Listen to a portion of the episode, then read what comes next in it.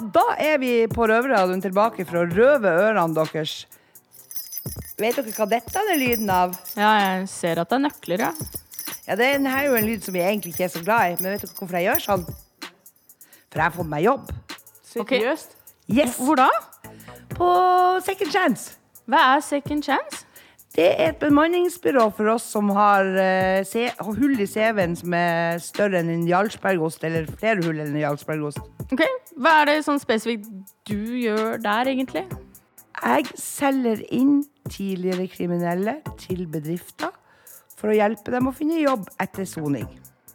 Så du hjelper faktisk folk. Men hvorfor lagde du nøkkellyd? Fordi jeg er kjempeglad for det. Hallo! Jeg har fått med to nøkler. Én til cella mi, og én til jobben min. Derfor. Så du er egentlig en kriminell helt, du, da? Ja, i dag er jeg det. Criminal I dag? hero. Gratulerer. Ja. Gratulerer. Takk, takk. Men hva skal vi høre mer om i denne sendinga? Visste du at faktisk 260 mennesker dør hvert år av overdose? Nei. Nei. Er det så mye? Ja. Hvis Se for deg alle på én plass, liksom, hvor søkker hvor mye folk det er. Og det er vanvittig, føler jeg det. Eh, Det er derfor guttene i Oslo fengsel også faktisk skal snakke litt om førstehjelp. Men det er ikke bare det som skjer nede eh, hos eh, gutta boys. Hva da? For de får nemlig besøk av Linn Skov Skåber. Hun kommer skliende inn på sølvfat til dem, tenker jeg. Ja, hun er kul, da. Yep. Kalte Men du henne for nettopp for en sklie? nei, jeg sa hun sklei. det, ja. Ylva. Ja, du hørte det, du òg. Jeg hørte Ja, en undertone det, ja. av uh, noe der. Men jeg lurer fortsatt på om hun er lovlydig. Om hun alltid har vært det. Det gjenstår vel å høre det. Ja, Det er jeg spent på. Det godt spørsmål, altså.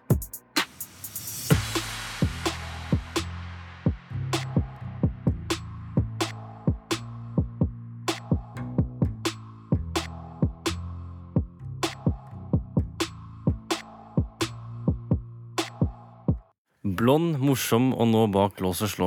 I dag har Noah og jeg Preben med oss Norges råeste dame innen showbiz. Velkommen, Linn Skåber. Tusen takk.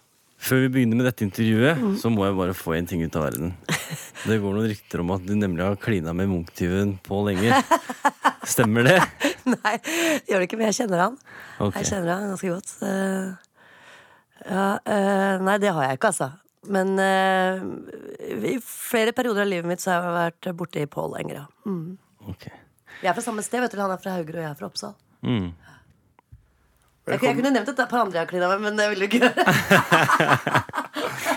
Tilbake til spørsmål én, hvor jeg spurte om, om du hadde klina med Pål Enger. Ja. Så er jo det fordi det er faren min. Så Er jeg- det faren din? Det er faren min. Så jeg måtte spørre om det. Men, men da kan jeg få si litt til mer om Pål, da? Ja. Eh, kanskje du er sønnen min? Nei. Det hadde fint radioøyeblikk. Verden er ikke så stor, så det er jo fullt mulig.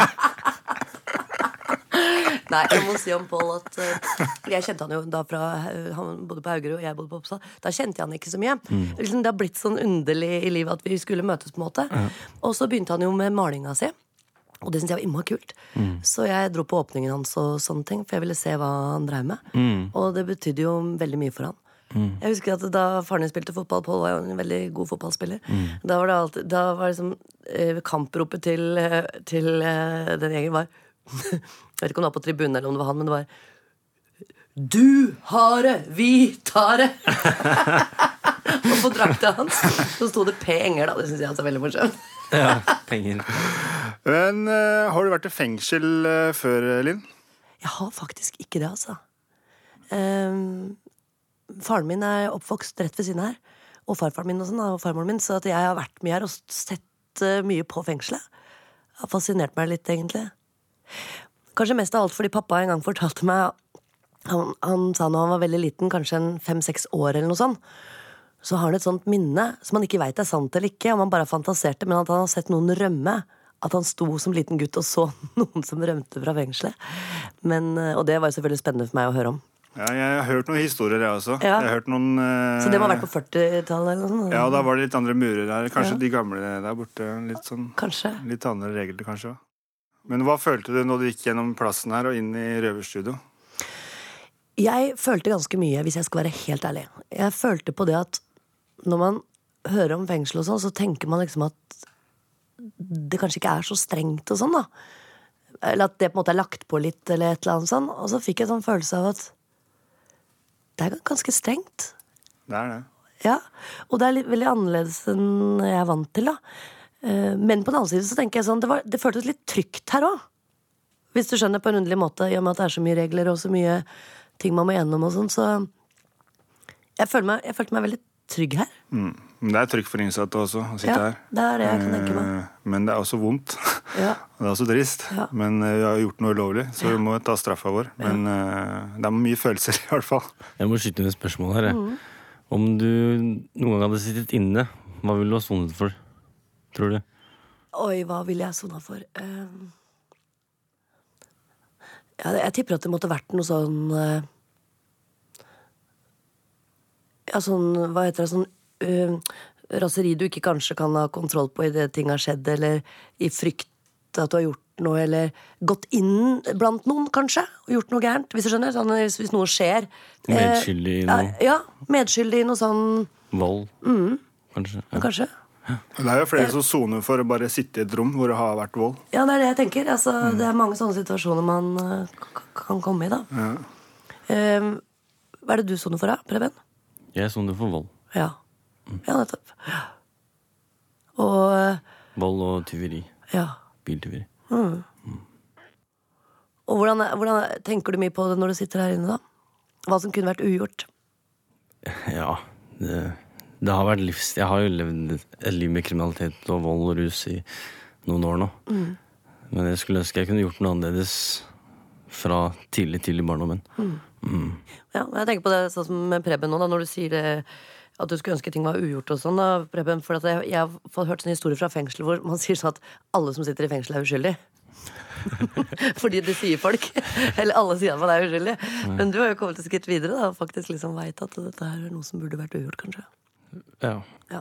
Eh, Linn, Mm. du er jo litt gal. Har du noen gang gjort noe ulovlig? Jeg har nok Altså, jeg har nok kanskje vært i, i miljøer og sånn hvor det har jo blitt gjort all, all, ulovlige ting. Men jeg tror jeg var litt sånn, hvis du skjønner, litt sånn heldig med Jeg er enebarn, ikke sant? Og jente. Det er dumt. Nei, det er ganske bra, tror du. jeg spørs jo hvor du vil ende. Nei, men du vet sånn, ikke? Jeg, jeg har vært så heldig og blitt sett så mye. Og da mener jeg ikke om sånn der underholdning og sånn, altså, og TV og sånn. Jeg mener sånn hjemme.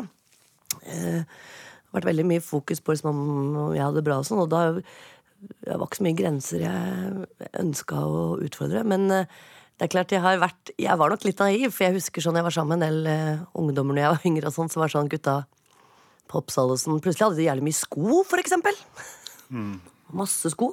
Det er så flaks, tenkte jeg, at jeg har så mye sko. Et helt lager med sko. Du vet, Det er sånne ting som ikke jeg helt skjønte. Eh, Linn, hva har du lyst til å si til en, en som bor på gata? Nei, vet du, Det her plages jeg med hver dag, for å være helt ærlig. Fordi eh, Spesielt akkurat nå må jeg si med kanskje rumenerne, da. For det er de jeg ser i mine parker. Og i går kveld også var det så innmari kaldt og guffent. Og da sto jeg og så på det, og så føler man seg sånn ubehjelpelig på en måte. Det- Hva ville du sagt, da? Jeg så, på, så det på Petter Uteligger, eller? Ja, det rørte meg veldig. Jeg har fulgt han så mye jeg kan. Ja. holdt jeg på å si. Så han, har- han brøyt noen grenser i mine fordommer. da Selv om jeg har vært rusmisbruker sjøl, så har jeg også hatt fordommer med, mot sprøyter. da Ja? Mot tyngre rusmisbruker. Ja. Og det kjenner jeg på. Det, det, det må jeg bare få bort. Ja. Det må jeg bare skrelle av meg. Fordi Der lærte jeg veldig mye av Petter, faktisk. Eh, Det er rart det du sier der nå, det med at du syns at det er litt vemmelig, fordi det samme, jeg har venner som har flykta fra krig. Og du vet når den der flyktningstrømmen kom, og alle dro opp på Tøyen og sånn for å hjelpe, og sånne ting, så klarte ikke de vennene mine å gjøre det. De sa det går ikke, for jeg lukter frykt, og jeg lukter lukten av flyktninger. Jeg klarer det ikke ennå. Fordi du har vært så gjennom det sjøl. Og det er nok det du kjenner litt på, da, tenker jeg. da Den der at jeg gjenkjenner meg selv i dette. Ja. Og jeg klarer ikke å nesten å gå inn der, da. ja. For det kan jo være en fallgruve også, men eh, ja, jeg, er- jeg er helt Det, eh, det er en vemmelighet, fordi ja. du vet at det kunne vært meg. Ja. Men det er klart, etter hvert når du da kommer over den, så er jo du antakeligvis den som kan gjøre mest for sånne folk. Innsatte i norske fengsler lager radio. Du hører Røverradioen i NRK P2. Dagens gjest og Anne-Kat. Hærland har tre ting til felles. Begge er blonde, begge har vært med i Nytt på Nytt, og nå har begge vært i fengsel. Linn Skåber, hvordan syns du det går så langt? Har du skrevet introen sjøl? Det var morsom. Du ler forferdelig mye, Linn. Er du så glad som du virker, eller er det litt mørke i deg også? Nei, det er, det er nesten, vil jeg si, kanskje 60-40 med pluss på mørke. Og det er jo jeg innmari glad i, da. Eh, Fordi det er jo grunnen til at jeg kan lage de tingene jeg gjør, og ta livet på alvor, på en måte. Så jeg er veldig glad for det mørket som jeg har, og som jeg bruker mye. Kan du utdype det mørket litt? Jeg syns det vi snakker om bare nå, dreier seg om i mørket. Selv om vi snakker lett om det. Ja. Og så er det viktig å snakke litt lett om mørket òg, fordi vi har det alle i oss. Linn, du har jobba med mye av norske kjendiser. Hvem tror du hadde gjort seg best som kriminell? Å gud, hvem kan det være? Jeg tror kanskje eh, Best, ja. Da tror jeg kanskje jeg ville plukka ut sånn type Kanskje Egil Hegerberg. For han er så Han var så innmari smart, og han tenker så annerledes tanker. Og han hadde blitt litt sånn Egon i Olsenbanden, tror jeg. Han hadde funnet opp ting og sånn. Du er kjent for å by på deg selv, Linn. Og for de av oss som syns det er vanskelig å drite oss ut, har du noen råd? Det er jo dere som har dritt dere maks ut, da. Ja, selvfølgelig. Det er, jo, jo, det er jeg enig i. Jeg er helt enig i det. Nei, jeg tror at hvis man ikke ser på seg selv og, er selvhøytidelig, sånn, tror jeg eh, livet blir morsommere av å kunne le av seg sjøl. Det går mot slutten nå. Er du lei nå? Jeg er ikke lei. Nei. Straks skal du få lov til å slippe ut, men først, til sist, har du noe du har lyst til å spørre oss om? Ja, jeg har lyst til å spørre dere om noe. Jeg kunne sitte her i to timer og spurt dere. Eh, Jeg kan jo for eksempel helt konkret spørre deg hvor lenge du skal være her. Jeg blir sittende mellom ett og ett og et halvt år. Har ikke fått noen dom ennå. Nei. Og du da, Noah, du er jo på godt vei eh, og planer og alt, du. Men hvor lenge skal du være her inne? Eh, Jeg sitter jo fortsatt i varetekt, da. Ja. Men eh, jeg har vært her snart i 15 måneder. Eh, og jeg regner med å få et sted mellom to og et halvt år og tre og et halvt år. Ja. Så det verste jeg kan få, er fem år, men jeg tror jeg ikke får det. Nei. Men du veit jo aldri. Vet jo aldri. Det er Har det du, som- noen venner, har du noen venner her, da? Eh, jeg snakker med folk, men jeg vil ikke si jeg har venner her. Men eh, jeg snakker med de jeg snakker med. Ja. Eh, jeg kommer godt overens med de jeg snakker med. Ja. Så ja. Liker du Har du, har du noen venner her, Preben? Jeg har en del venner her inne. Ja. Er de like gamle som deg, eller er det masse forskjellige aldre? Alle, alle aldersgrupper. Ja. Kjenner fra tidligere soninger og ute. Ja. Men syns du at eh, eh, det er bra å snakke med de som er eldre enn deg? Du er jo ganske ung. da, Hvor Ja. gammel er du? Jeg er 22. Ja. Er det ålreit å ha noen som er eldre enn deg å snakke med? Absolutt. Det er jo erfaringer som man kan lære. Ikke lære for mye, da. Nei. Ja, man, man, Du må man, høre på advarselen, ikke bare lære. ja, man må lære seg å skille. Ja, det er det. Men jeg sa nei til at jeg ikke hadde venner. Da, altså, jeg har venner her inne. og Jo, men de- du sa ikke nei, du sa faktisk De ja. vennene jeg har bygd meg opp her inne, det er sånn som lærere på Ja. skolen. Ja. Uh, Way Back, Uh, Røde Kors. Mm. Det er det jeg anser som venner. Fordi det helvete jeg kommer ifra, og sitte inne med andre som har vært i det helvetet jeg har vært i, i da. Ja. Jeg ser ikke på det som en vei for meg videre her og nå. Nei. Jeg må gå en annen vei. Også hvis naboen min eh, for eksempel, eh, klarer seg i samfunnet, så kanskje vi møtes da. Kanskje vi kan ha det kult sammen. Men sånn som jeg ser det nå, så må jeg tenke på meg sjøl og min egen framtid. Fordi jeg har vært i, som sagt, ut og inn av institusjoner, og jeg har bygd meg vennskap der. Og når vi kommer ut, så er eh, den personen eller jeg på snørra. du bare klikker gæren vei, da. Dette er det jeg alltid har sagt. Det er dette jeg har tenkt på, selv om jeg ikke kan så mye om det som dere, selvfølgelig. Men jeg har tenkt så mye på det. Jeg pleier å si det på den måten at det hjelper ikke med en ettroms og en brødskive med leverpostei på Sinsen. For hvis du først sitter her aleine, selv om du har fått eh, hjelp til å å- Så vil du trekkes kanskje mot det andre. Det er jo viktig at man skaper seg litt nye venner, faktisk. da. Ja. Gruer dere til jul, da? Ja. Nei. Nei. Har feira jul her før, så Har du det? ja. Flere, hva skjer da? Hva gjør dere da? nei, det er jo ribbe og pinnekjøtt og sånn, og så får du Blir det delt ut gaver fra presten. Han har, altså De som er med å jobbe i kirka ellers, og vaske kirka og sånn, de pleier å gå, gå runde til alle innsatte og lever ut gaver, da. Sjokolade, konfekt. ja. Sånne type ting. Så får du et par ullsokker og Ja, ja, ja. Jeg må ikke gjøre det samme dumme som jeg gjorde, da. For jeg inviterte noen somaliere på julaften min og, som jeg kjenner, og jeg glemte at de var muslimer. Så jeg hadde bare lagd ribbe. Men gudskjelov så hadde jeg bergenser i første etasjen, og de lager jo pinnekjøtt.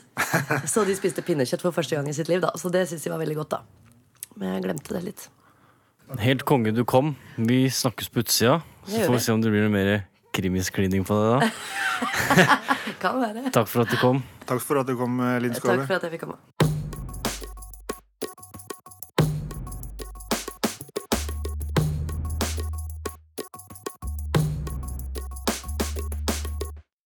Regjeringen foreslår eh, kutt i frivillighetsmidlene i kriminalomsorgen.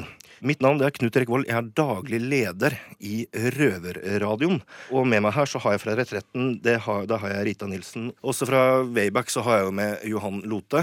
Fra Foreningen for fangers pårørende så har jeg Hanne Hamsun. Og så har jeg på linje så har jeg eh, Guro Eriksrud fra Røde Kors-nettverket etter soning. Og først av alt, ti millioner er foreslått kutta. Nå ser, vet jeg jo det at Retretten og Wayback er blitt lova på en måte um, redning. Um, men hvordan vil kutt påvirke deres, deres organisasjon? Skal starte med deg, Rita. Det vi ser nå, vi, som du sa innledningsvis, at vi var redda. Vi har jo fått den samme millionen nå i tre år. Mens eh, prisene stiger rundt oss, og så går vi egentlig litt ned for den rene frivillighetspotten som KDI bestemmer over, den får vi ikke noe mer penger fra. Den har vi fått fra tidligere. Johan? Ja, For oss så vil det få katastrofale følger. Vi var i sjokk eh, da vi så at eh, 52,5 eh, kutt. eh, Det kan føre til at vi må si opp folk i Oslo. Og det betyr også at avdelingskontorene våre i Kristiansand, Trondheim, Bergen og Tromsø eventuelt måtte stenge. Vi er avhengig av forutsigbarhet, så dette har gitt oss en støkk. Hanne? Ja, For organisasjonen For fangers pårørende så foreslås et kutt på over 40% i driftsstøtten. og Det er selvfølgelig veldig dramatisk for oss. Eh, Og det vil jo først og fremst gå utover de som bruker oss, nemlig pårørende til innsatte. Og de har ofte ingen andre steder å henvende seg. Og så vil det også si at vi i mindre grad kan eh, gjøre det viktige samarbeidet vi gjør med kriminalomsorgen, eh, nemlig å synliggjøre pårørende overfor fengsler og andre deler av kriminalomsorgen. Eh, og det er et utrolig viktig arbeid som også gir resultater, eh, som vi syns er veldig beklagelig hvis vi må trappe ned. Mm. Og Guro, Røde Kors? Ja, Det betyr jo at vi må bruke enda mer tid enn det vi allerede gjør på å skaffe finansiering for å kunne opprettholde arbeidet vårt. Og, og det går jo igjen da hardt utover den tiden eh, og ressursene vi har til disposisjon i forhold til eh, målgruppa vår. Er det noe denne målgruppa ikke trenger, så er det så mye usikkerhet. Ja, for det har jo blitt stadig vanskeligere å sitte i fengsel fordi tilbudene forsvinner, og man er mer innelåst. Eh, Og det budsjettet her det gjør jo vondt verre, rett og slett. Både på innhold og på tilbakeføringsarbeid. Og fengslene sjøl har jo ikke råd til å på en måte hoppe inn med en innsats for å bedre tilbudet for de innsatte. Så et tenkt tilfelle, hvordan vil kriminalomsorgen se ut uten oss i frivillig sektor? Her må man se på forskjell på det offentliges oppgaver og hva den, hver enkelt frivillig organisasjon gjør. Eh, Vi gjør oppgaver som det offentlige ikke kan utføre. Eh, Kriminalomsorgen gjør i dag fantastisk mye godt arbeid inne i fengselet. Man ser at uten oss til stede, som er limet mellom eh, den tiden man har i fengsel og til man skal ut i et samfunn uten rus og kriminalitet, så er det viktig å ha et lim som kan samarbeide både inne i fengselet Mm. og eh, blant tjenesteapparatet utenfor. Og det går også på tvers av de forskjellige departementene som vi har i Norge. Det er Helse- og omsorgsdepartementet, det er Arbeid og velferd, eh, og det er justissektoren og mange andre. Jeg kan også nevne dette med barn og, og pårørendearbeid. Så det å, å være lim mellom det offentlige inne og ute tror jeg er noe av det viktigste vi gjør. Og forsvinner det, så går mye av det fine arbeidet som blir gjort inne, går tapt eh, når man da blir løslatt. Ja, det har nok blitt sagt, men det er helt klart at på dette feltet så utfyller eh, kriminalomsorgen og de frivillige organisasjonene seg veldig. Også de frivillige organisasjonene seg imellom også. Vi har ulike viktige oppgaver. Eh, og kriminalomsorgen har jo på mange måter gjort seg litt avhengig av det arbeidet vi utfører. Så jeg tror det blir rett og slett en fattigere kriminalomsorgsetat hvis eh, ikke de frivillige eh, organisasjonene kan ha den funksjonen vi har i dag. Uh, og når det gjelder akkurat uh, for fangers pårørende sitt arbeid, så er vi den eneste organisasjonen som har som hovedoppgave å jobbe akkurat for pårørende til innsatte. Så det er helt klart at det blir store konsekvenser hvis ikke vi kan opprettholde det arbeidet. Vi mener jo at det allerede i dag er altfor lite satsing på tilbakeføring. Sånn at hvis de frivillige organisasjonene hadde forsvunnet, så ville det vært helt katastrofalt for de menneskene som blir eh, løslatt fra fengsel. Veldig mange som da ville eh, miste tilbudet sitt. Det ville jo også gitt et mer utrygt samfunn for, eh, for alle. Og altså et samfunn med mer kriminalitet. Det er jo også kjempekostbart. Eh, I tillegg så trekker jo våre brukere frem veldig tydelig betydningen av kontakt med frivillige. Altså det er ekte, vanlige mennesker som bryr seg uten å få betalt for dem. Det har en helt spesiell effekt for personer som har blitt vant med å sette på som et problem. Da vil jeg takke for at så mange kunne stille opp.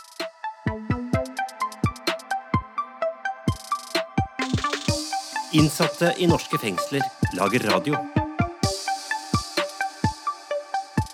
Du hører Røverradioen i NRK P2.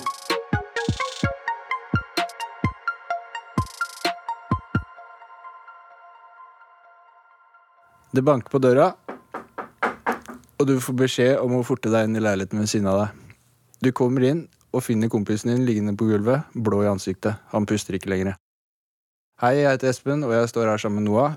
Nå skal vi snakke om førstehjelp og hva du skal gjøre om du opplever at noen har tatt overdose i nærheten av deg. Espen, før vi begynner. Altså, Du har vært en miljøet over 20 år.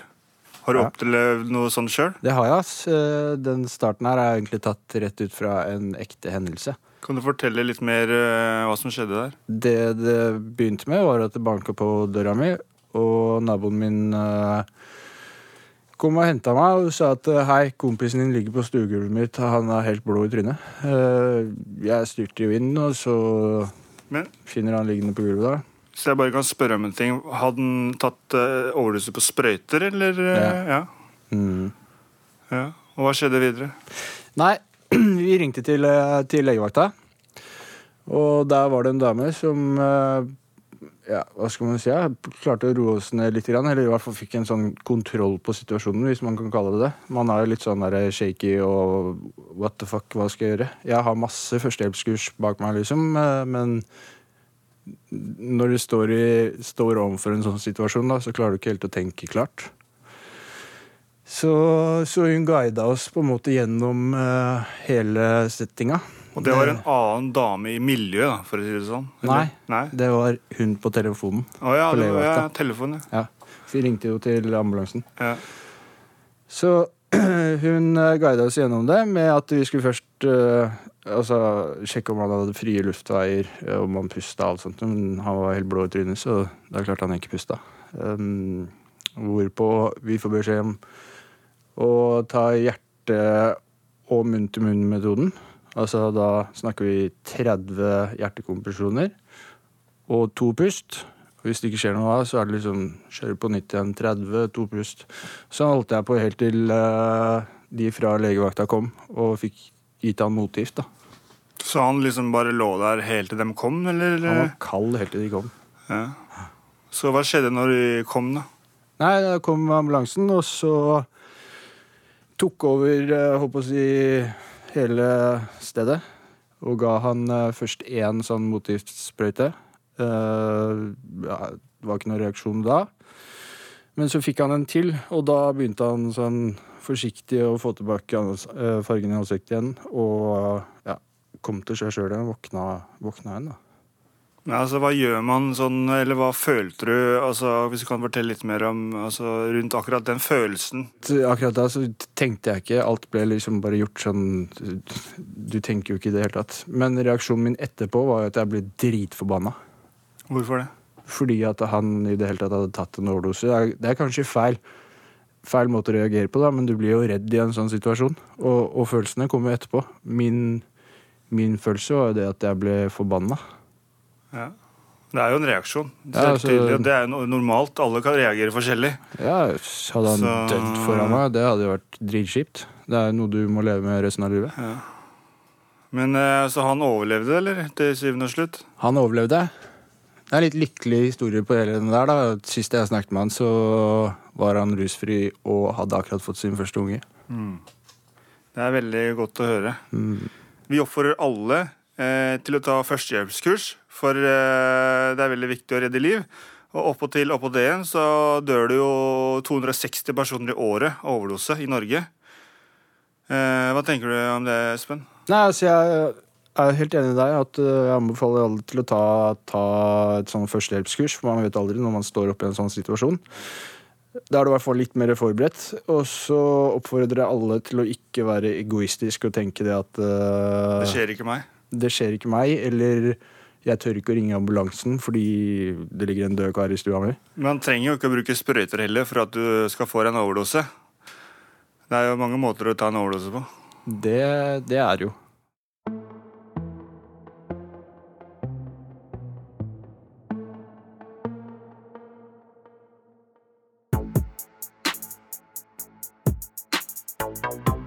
Jenter, det er snart tid for å runde av eh, Røverradioen for denne gang. Sandy, hva syns du egentlig traff deg mest i løpet av den sendinga som har vært nå? Det er vanskelig å ikke reagere da på Ja, For det var det overdosestikket Ja, det du reagerte reagerte på. Jeg synes det, det er så mange som stryker med veldig mange som blir berørt. Ja, altså, prøv å gjennomføre folk, og så går ikke det, så ringer du. Men tenk på at det oksygenet i hjernen, hvor folk kan bli grønnsak, faktisk. Hvis du ikke tør å ringe ambulanse, så bare ring eh, overdoseteam. Det har de i alle store byer. Ja, det var skikkelig alvorlig. Vi har fått en, eh, et lite hyggelig brev av ei dame som heter Katrine. Skal dere høre hva hun skriver? Det er stilig. Hei, alle dere flotte mennesker som jobber i Røverradioen. Jeg er en helt ny lytter. Startet å høre faktisk på podkasten i går, og hun er helt hekta. Oi! Og skal jeg fortelle dere grunnen til at hun begynte med dette her? Ja. Det er fordi at broren skulle inn og sone. Hun mener faktisk at vi er eh, altså lærerik, altså vil lære folk om det å sitte i fengsel. Så syns hun vi er herlige å høre på. Og så har vi ufarliggjort en god del ting. Eh, og hun avslutter det hele med at eh, vi er en utrolig bra gjeng, og hun beundrer jobben vi gjør. Og hun sier at vi skal stå på videre. Klem, Katrine. Det må være dagens Det eh, er kult. Det- Tusen, Ja. tusen takk, Katrine. Jeg håper vi også Takk, videre takk. kan berike ditt liv angående ja, fengsel. Neste sending så skal det handle om hva, Sandy? Neste sending så skal du få høre eh, hvorfor noen har lyst til å bli bekjent. Altså, man kan jo spørre Er det noen som har lyst til å bli det? Det handler vel om at de har lyst til å jobbe med mennesker. Ja, det er vel Og tjene penger samtidig? Ja. Jenter, Det vi er ikke må, så vi mye må penger å avslutte. tjene. Hvis du vil bli rik, så blir du ikke bekjent. For å Nei, det gjør sånn. du ikke. Ha det bra! Bye.